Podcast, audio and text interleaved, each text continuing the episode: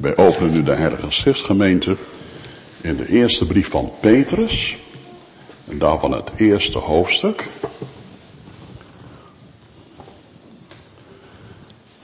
...1 Petrus 1.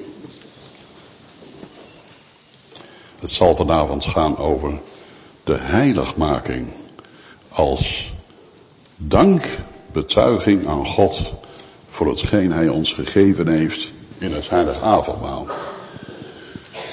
Waarbij een kastema koos, zonder heiligmaking zullen we God niet zien.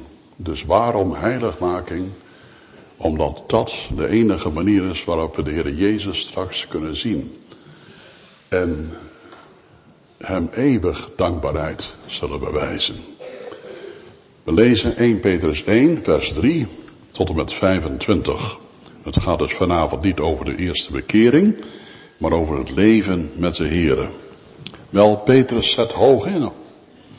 Luister maar, geprezen zij de God en Vader van onze Heer Jezus Christus, die ons overeenkomstig zijn grote barmhartigheid opnieuw geboren deed worden, tot een levende hoop, door de opstanding van Jezus Christus uit de doden, tot een onvergankelijke, onbevlekte en onverwelkbare erfenis die in de hemelen bewaard wordt voor u. U wordt immers door de kracht van God bewaakt door het geloof tot de zaligheid die gereed ligt om geopenbaard te worden in de laatste tijd. Hij bedoelt hier de laatste tijd die aanbreekt bij de wederkomst van Christus. Als Christus geopenbaard wordt, wordt ook die erfenis geopenbaard. Wel, daarin verheugt u zich. Ook al wordt u nu voor een korte tijd als het nodig is bedroefd door allerlei verzoekingen. Opdat de beproeving van uw geloof, die van groter waarde is dan die van goud, dat vergaat en door het vuur beproefd wordt, mag blijken te zijn tot lof en eer en heerlijkheid bij de openbaring van Jezus Christus, bij de onthulling op de dag dat hij zal verschijnen als de blinkende morgenster en daarna zal neerdalen op aarde. Hoewel u hem niet gezien hebt, hebt u hem toch lief. Hoewel u hem nu niet ziet, maar gelooft, verheugt u zich met onuitsprekelijke en heerlijke vreugde. En verkrijgt u het einddoel van uw geloof, namelijk de zaligheid van uw zielen. Na deze zaligheid hebben de profeten die geprofeteerd hebben over de genade die aan u bewezen is, gezocht en gespeurd. Zij onderzochten op welke en wat voor tijd de geest van Christus die in hen was, doelde, toen hij tevoren getuigde van het lijden dat op Christus komen zou, en ook van de heerlijkheid daarna. Aan hen werd geopenbaard dat ze niet zichzelf, maar ons dienden in de dingen die u nu verkondigd zijn, door hen die u het evangelie verkondigd hebben, door de Heilige Geest, die vanuit de hemel gezonden is Dingen waarin de engelen begeerig zijn zich te verdiepen. En dan komt nu de tekst voor de preek. Om God daarom de lendenen van uw verstand, wees nuchter en hoopt volkomen op de genade die u gebracht wordt in de openbaring van Jezus Christus. Word als gehoorzame kinderen niet gelijkvormig aan de begeerten die er vroeger in de tijd van uw onwetendheid waren. Maar zoals hij die u geroepen heeft heilig is, wordt ook gij zelf heilig in heel uw levenswandel. Want er staat geschreven, wees heilig, want ik ben heilig. En als u hem als vader aanroept, die zonder aanzien des persoons naar ieders werk oordeelt, wandel dan in de vrezen des Heren gedurende de tijd van uw vreemdelingschap. In de wetenschap dat u niet met vergankelijke dingen, zilver of goud, vrijgekocht bent van uw zinloze levenswandel, die u door de vaderen overgeleverd is, maar met het kostbaar bloed van Christus, als van een smetteloos en onbevlekt lam. Tot zover de schriftlezing in verband met de tijd. Laten we het laatste stukje zitten. Het is wel zo dat vers 13 de kerntekst vormt vanuit wij de versen daarna ook willen belichten. Om God daarom de lendenen van uw verstand. Wat bedoelt de apostel Petrus met deze zin? Het lijkt een raadsel, kinderen. Als je nu denkt aan de mensen in die tijd die zo'n lang kleed droegen.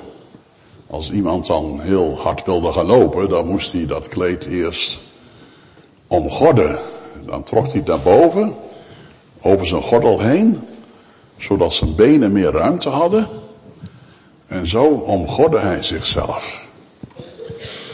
Uh, maar behalve dat dat letterlijk gebeurde, wordt in de Bijbel die uitdrukking ook wel gebruikt van, wees alert.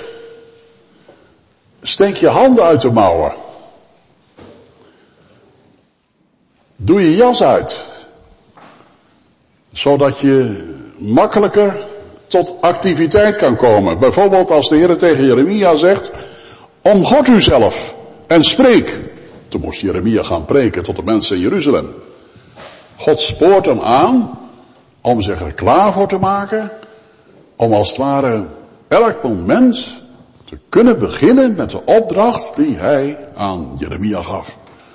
Dus de lenderen van ons verstand omgorden is een aansporing van God tot een heilige activiteit. Nu hebben wij grote moeite met het activisme in de kerk en terecht. Maar we moeten met het badwater het kind niet weggooien. Want als een mens tot bekering komt, wordt hij gerechtvaardigd als een goddeloze.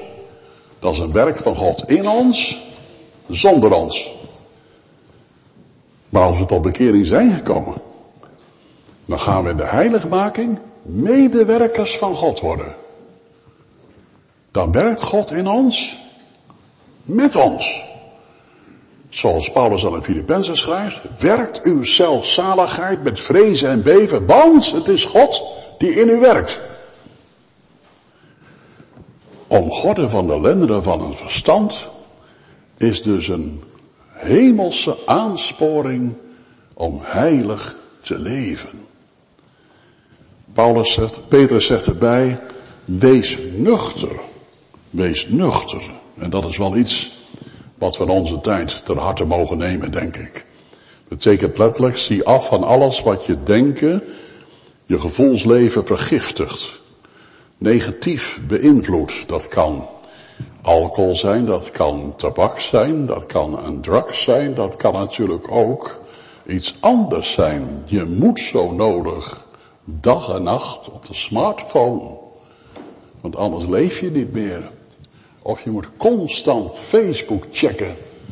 Of de laatste aflevering van Netflix, die serie, zien. En daarover je hoofd breken. Hoe zal het aflopen? Er zijn vele dingen in onze samenleving die soms op zich helemaal niet zondig zijn. Soms in tegendeel zelfs. Die ons zo bezighouden. Ja, maar dominee, we moeten in ons dagelijks werk toch ook bezig zijn met allerlei dingen.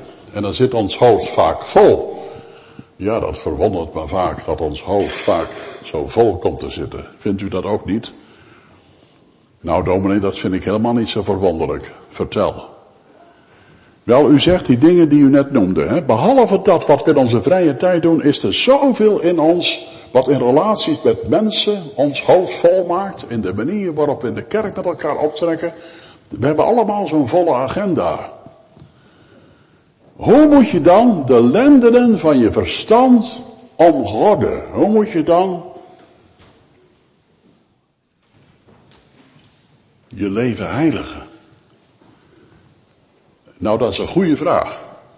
Ik denk ook dat het in onze tijd het moeilijker is als ooit. Het is niet toevallig dat christenen die vervolgd worden, zeggen jullie worden ook vervolgd. Maar onder andere door de media, de tijdgeest, de wereldse sfeer enzovoorts. Wel, het eerste antwoord op die vraag is hoe dat moet, is heiligen is toewijden. We hebben het straks gezongen, hè? dan zingen zij in God verblijd aan Hem toegewijd. Zoals je toegewijd kunt zijn aan een vriend of een vriendin. Zoals je toegewijd kunt zijn aan je gezin. Wel, dat is een mooi voorbeeld van hoe wij toegewijd mogen zijn aan de Heere Jezus Christus zelf. Levensheiliging, toewijding aan Hem. En daarbij geeft de Heilige Geest ons een heel belangrijk motief waarom we dat zouden moeten doen. Waarom moeten we heilig leven? Waarom toegewijd aan Hem leven? Je zou kunnen zeggen dat is tot eer van God. En dat is zeker de hoofdreden. Je zou kunnen zeggen dat is tot onze zaligheid. En dat is daarnaast een belangrijke reden. Maar om ons tegemoet te komen, geeft de Heilige Geest ons nog iets waar we houvast aan hebben. Waar we iets concreets mee kunnen bedenken. En dat is om God de lendenen van uw verstand, wees nuchter en hoop volkomen op de genade die u gebracht wordt in de openbaring van Jezus Christus. Wist u dat? Dat als Christus straks als de blinkende morgenster zal afdalen naar de wereld en zijn voeten zal zetten op de olijfberg bij Jeruzalem, dat dan Gods kinderen genade wordt toegebracht. Die ze nu nog niet hebben. Want hoop volkomen op de genade die u gebracht wordt in de openbaring van Jezus Christus bij gelegenheid van zijn wederkomst. Wat is die genade? Wel, daarover heeft apostel het in het voorgaande gehad. Hij spreekt over een erfenis die in de hemel bewaard wordt, die niet kan verroesten, die niet kan verwelken, die onverderfelijk is. Maar die erfenis die wordt in de hemel bewaard om op aarde uitgedeeld te worden. Laten we zeggen, God heeft de blauwdruk klaar liggen van de erfenis die straks wordt uitgedeeld nadat Christus op aarde is teruggekeerd. Psalm 37 zegt het al, de zachtmoedigen zullen het aardrijk beërven. En de Heer Jezus heeft die tekst herhaald in Matthäus 5. De zachtmoedigen, de avondmaalganger die zijn leven aan God wil toewijden, die mag en moet bedenken, u krijgt een belangrijke reden om heilig te leven. Om je ertoe te zetten, om de lende van je bestand te omgorden, om er actief in te zijn. En die reden is, alles wat je hier doet in deze wereld, voor de wederkomst van Christus, dat wordt beloond in de toekomende wereld. Het genadeloon van de erfenis, die in de hemelen bewaard wordt voor u. De investering in een heilig leven, met eerbied gezegd, hè. De investering in een heilig leven biedt een absoluut rendement voor de toekomst. Want Jezus spreekt over het loon. Hij spreekt over een groot loon. Wat bedoelt hij daarmee? De erfenis. De tweede belangrijke impuls die de Heilige Geest ons meegeeft om te staan naar heiligmaking is dat er een opstanding van de doden zal plaatsvinden. In vers 3 had Petrus, de God en Vader van de Heer Jezus, geprezen vanwege die levende hoop door de opstanding van Jezus Christus uit de doden. De levende hoop is in het Nieuwe Testament altijd de toekomst van Christus. Niet hopen in de zin van kan vriezen, kan dooien. Nee, de levende hoop is de zekerheid van iets wat in de toekomst gaat gebeuren. Indien wij met Christus gestorven zijn en met Hem zijn opgewekt in een nieuw leven, zullen we opstaan uit de doden in een schitterend nieuw lichaam, wat de weerglans zal zijn van het lichaam van onze Heer Jezus Christus. Die twee dingen, de opstanding van de doden en de uitdeling van de erfenis, die zijn die levende hoop. Er zijn nog veel meer dingen van te zeggen, maar we moeten ons vanavond tot deze beperken. Dat is de impuls die de Heilige Geest ons geeft om vol te houden in de heiligmaking.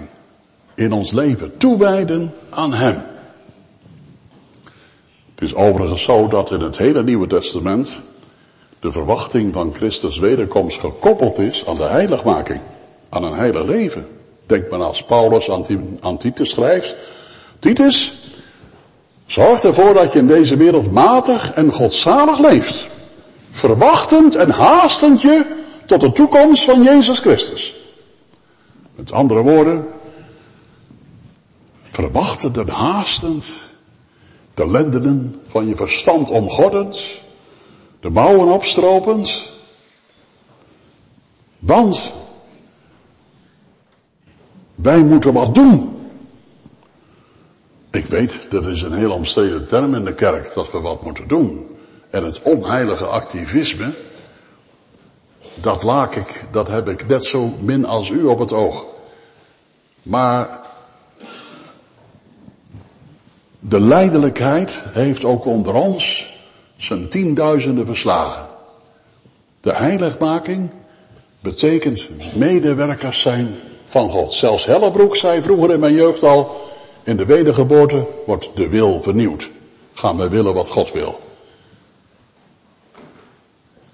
Dus geen onheilig activisme. En dat werkt de apostel uit.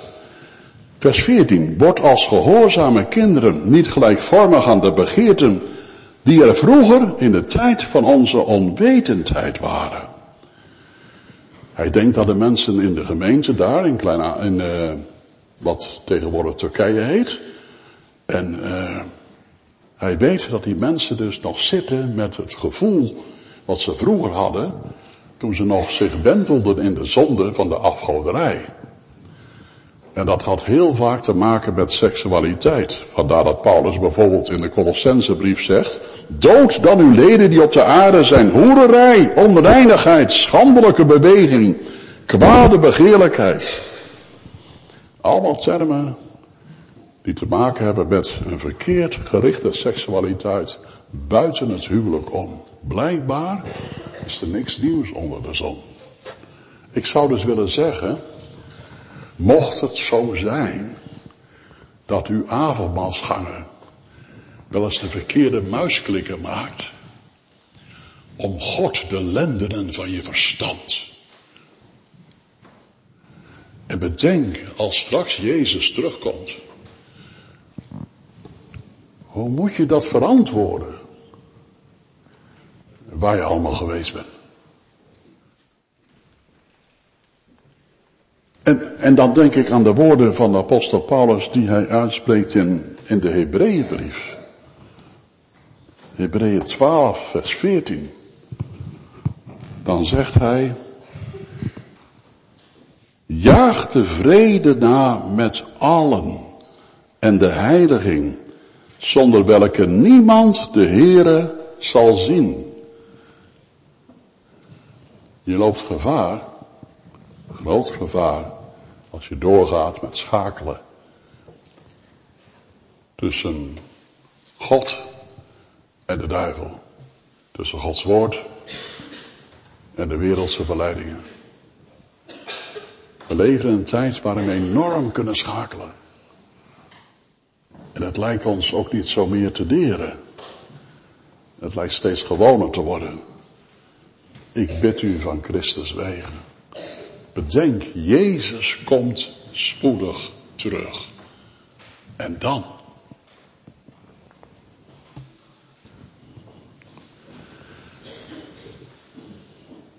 Maar we vinden nog een andere onheilige gedachte, gevoel, levenspraktijk die ook onder ons niet onbekend is. Dat is weerspannigheid. Weerspannigheid. Eigengereidheid. Zich niet laten gezeggen door God. Een dankbaar leven omdat de Heer zich in de dood voor u heeft overgegeven betekent dat je die weerspannigheid gaat opgeven. Dat je die leden doodt. Want in 1 Samuel 15 vers 23 staat, Wederspannigheid is als afgoderij.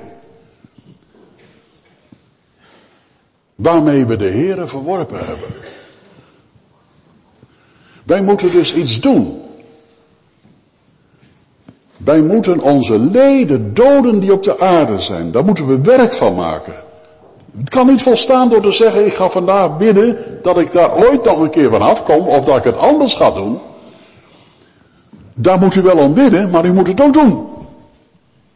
Zoals Jezus aan het eind van de bergreden zegt, die deze mijn woorden hoort en dezelfde doet.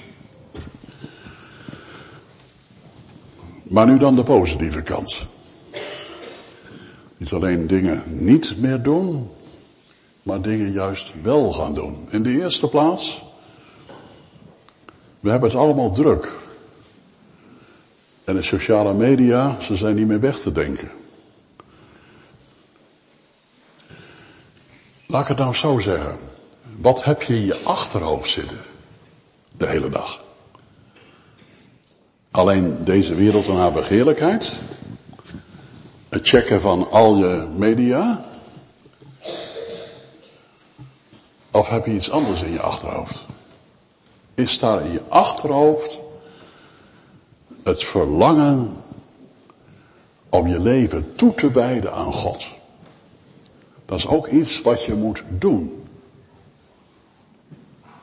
Door Bijbel te lezen, door gebed, door gesprek, door kerkgang en alles wat we samen als gemeente hebben georganiseerd, ook door de weeks. Maar vooral ook door de wil van de Vader te doen ten opzichte van de mensen in je omgeving waar je de meeste moeite mee hebt. Door hen lief te hebben die je niets terug kunnen geven. De Jezus heeft voor de levensheiliging iets bijzonders gezegd in Lucas 14. Als u een maaltijd houdt, nodig dan hen die u niet kunnen terug uitnodigen. En het zal u vergolden worden in de opstanding de rechtvaardigen. Je krijgt je loon, genadeloon, niet omdat je het verdiend hebt zelf, maar omdat je besloten hebt om gehoorzaam te zijn, ook in deze toewijding aan de naaste. Ook de naaste die niet in staat is om je te vergelden. God zal het vergelden in de opstanding van de rechtvaardigen. Daarbij helpt het jonge mensen om te bedenken, als je de hele dag dit in je achterhoofd hebt en zoekt naar mogelijkheden tijdens je werk en tussen alle werkzaamheden door, om je toe te wijden aan de Here en de naaste, daarbij helpt het om te bedenken wat je op je voorhoofd hebt staan. Wat je op je voorhoofd hebt staan. Je bent gedoopt. Onuitwisbaar tegen. Je hoort bij het leger van Christus. Je hebt het merk en veldteken van de strijdende soldaat uit Efeze 6. In de wapenrusting die God ons schenkt. Hou het woord van God de hele dag in je achterhoofd. En bedenk wat op je voorhoofd staat. Dan wordt het gemakkelijker om te doen wat er staat in vers 17. Eerst staat in vers 16, wees heilig, want ik ben heilig. En als u hem als vader aanroept die zonder aanzien des persoons naar ieders werk oordeelt, wandel dan in de vrees des Heren gedurende de tijd van uw vreemdelingschap. In de wetenschap dat u niet met vergankelijke dingen, zilver of goud, bent vrijgekocht. De doop verwijst naar de ondergang met Christus en de opstanding met Christus. Het avondmaal laat zien hoe dat bevindelijk toegepast wordt. In het tekenen van brood en wijn, die ik eet en drink, beleid ik, Jezus, ik ben met u gestorven. En ik ben met u opgewekt. Ik ben losgekocht Ik ben vrijgekocht van de hel, van de Satan, van de wereld. En uw vader heeft daar zo'n dure prijs voor betaald. Die prijs die wordt mij niet toegerekend en geen enkel kind van u. Die prijs der zielen dat rantsoen heeft u zelf betaald. Hoe zou ik nog in de zonde kunnen blijven? Als ik me realiseer wat het u gekost heeft, Heer Jezus, om als een lam ter slachting geleid te worden. En de prijs der zielen, dat rantsoen die de Vader heeft betaald, ook te zijn.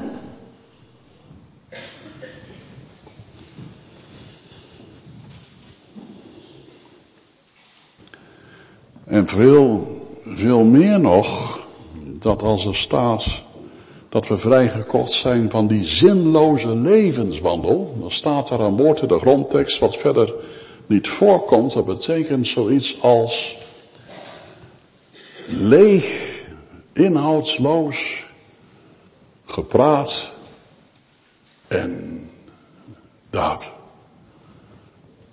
Ik denk aan het kerkelijk leven.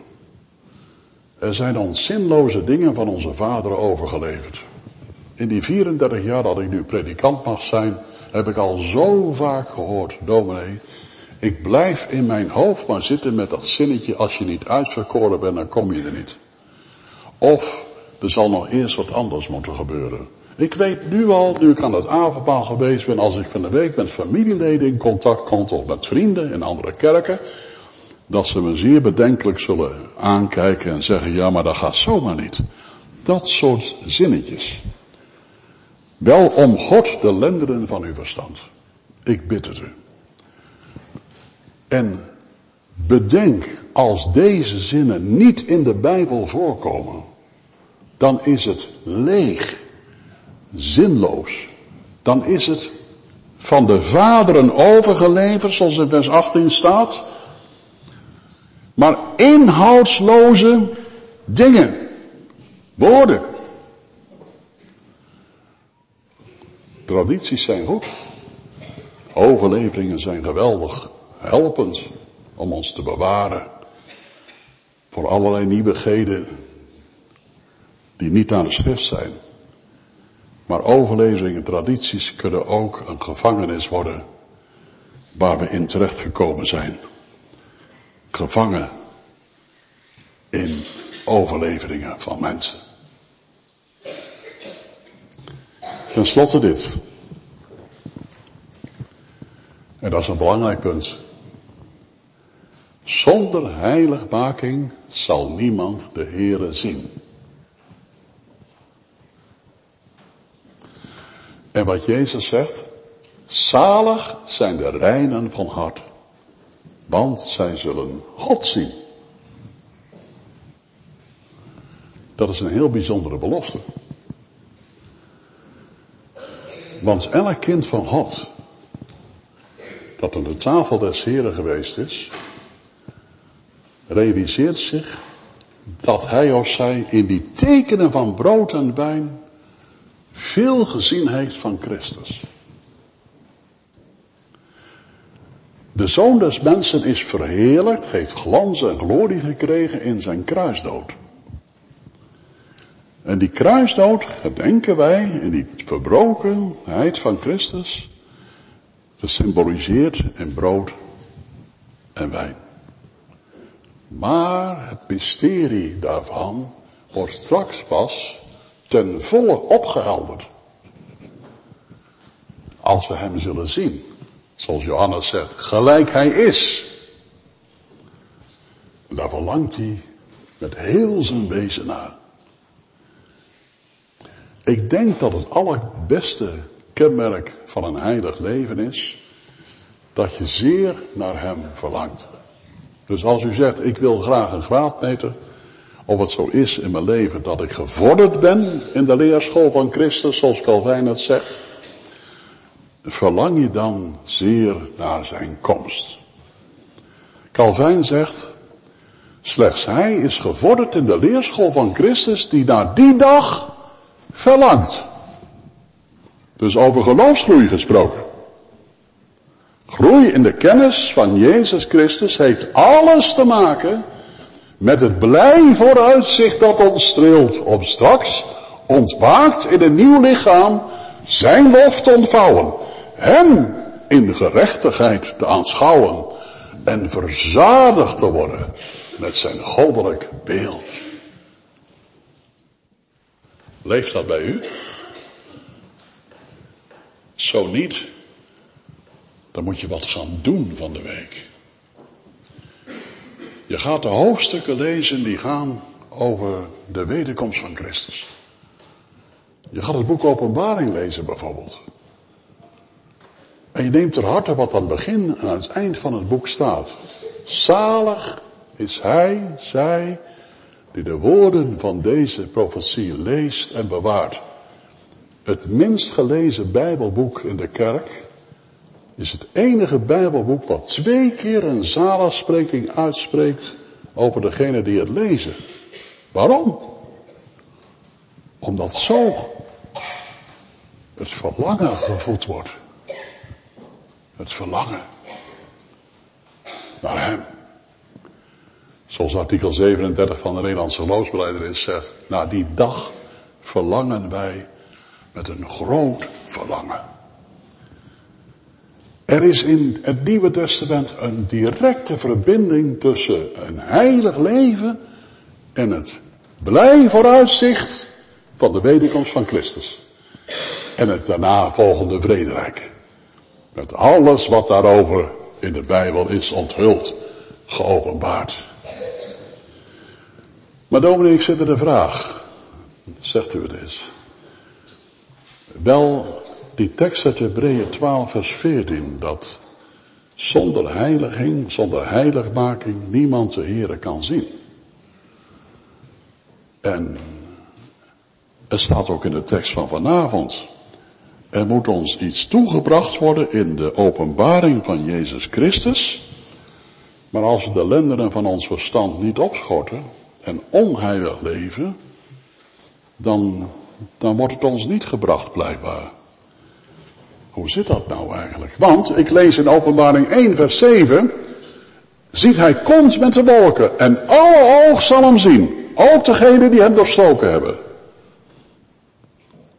Hoe kan het dan zijn dat er vele mensen zullen zijn die niet heilig geleefd hebben en de Heer dus niet zullen zien? Wel dat raadsel, dat vermag ik ook niet vanavond geheel te doorgronden. Ik heb veel gehad in Augustinus. En wat hij daarvan zegt, denk ik dat het dichtstbij komt. Hij zegt als Christus wederkomt, dan zal een licht zo groot, zo schoon neerdalen van stroom. Het straalt volk bij volk in de ogen. Maar degenen die geen zuiver hart hebben, zei Augustinus, zullen terugschrikken en wegvluchten.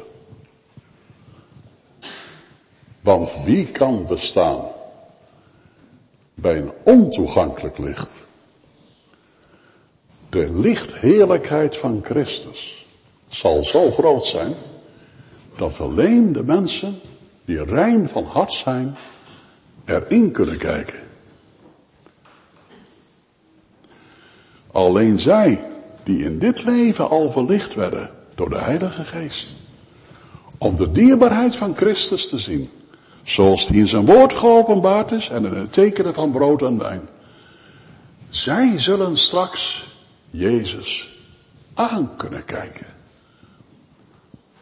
Zonder te vluchten.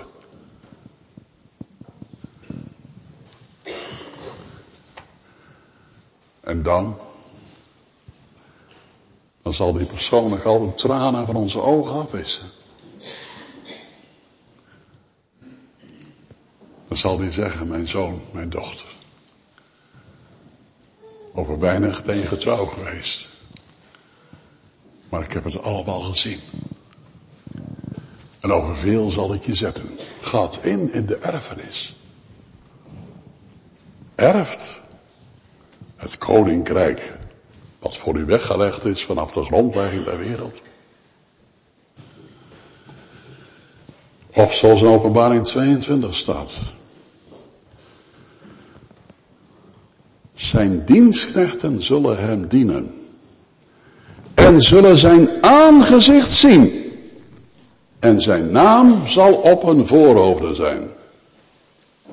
Wat een vooruitzicht. We zullen hem in de ogen kunnen kijken. Die de spiegel zijn van zijn oneindige liefdevolle ziel. En ons hart zal zwellen vanwege de uitnemendheid van deze liefde. En we zullen met Jezaja begrijpen als hij hierover praat, ik zal vervaard en verwijt worden. Ondersteboven zijn. De helft is me niet aangezegd. Jezus, ons alles. Liefste, schoonste van de mensenkinderen. Bijna professor Baving zei, de Bijbel heeft verschillende woorden om iets prachtigs aan te duiden. Mooi, schoon. Maar als het over Jezus gaat, dan is het heerlijkheid. Luister, glans, schittering.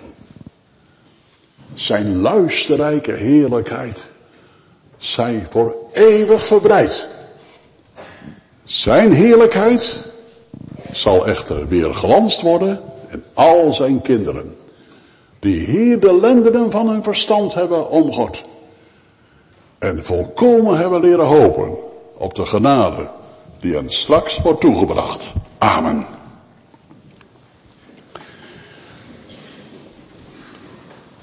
We zingen nu klaar zonder voor- of naspel Psalm 25 vers 6.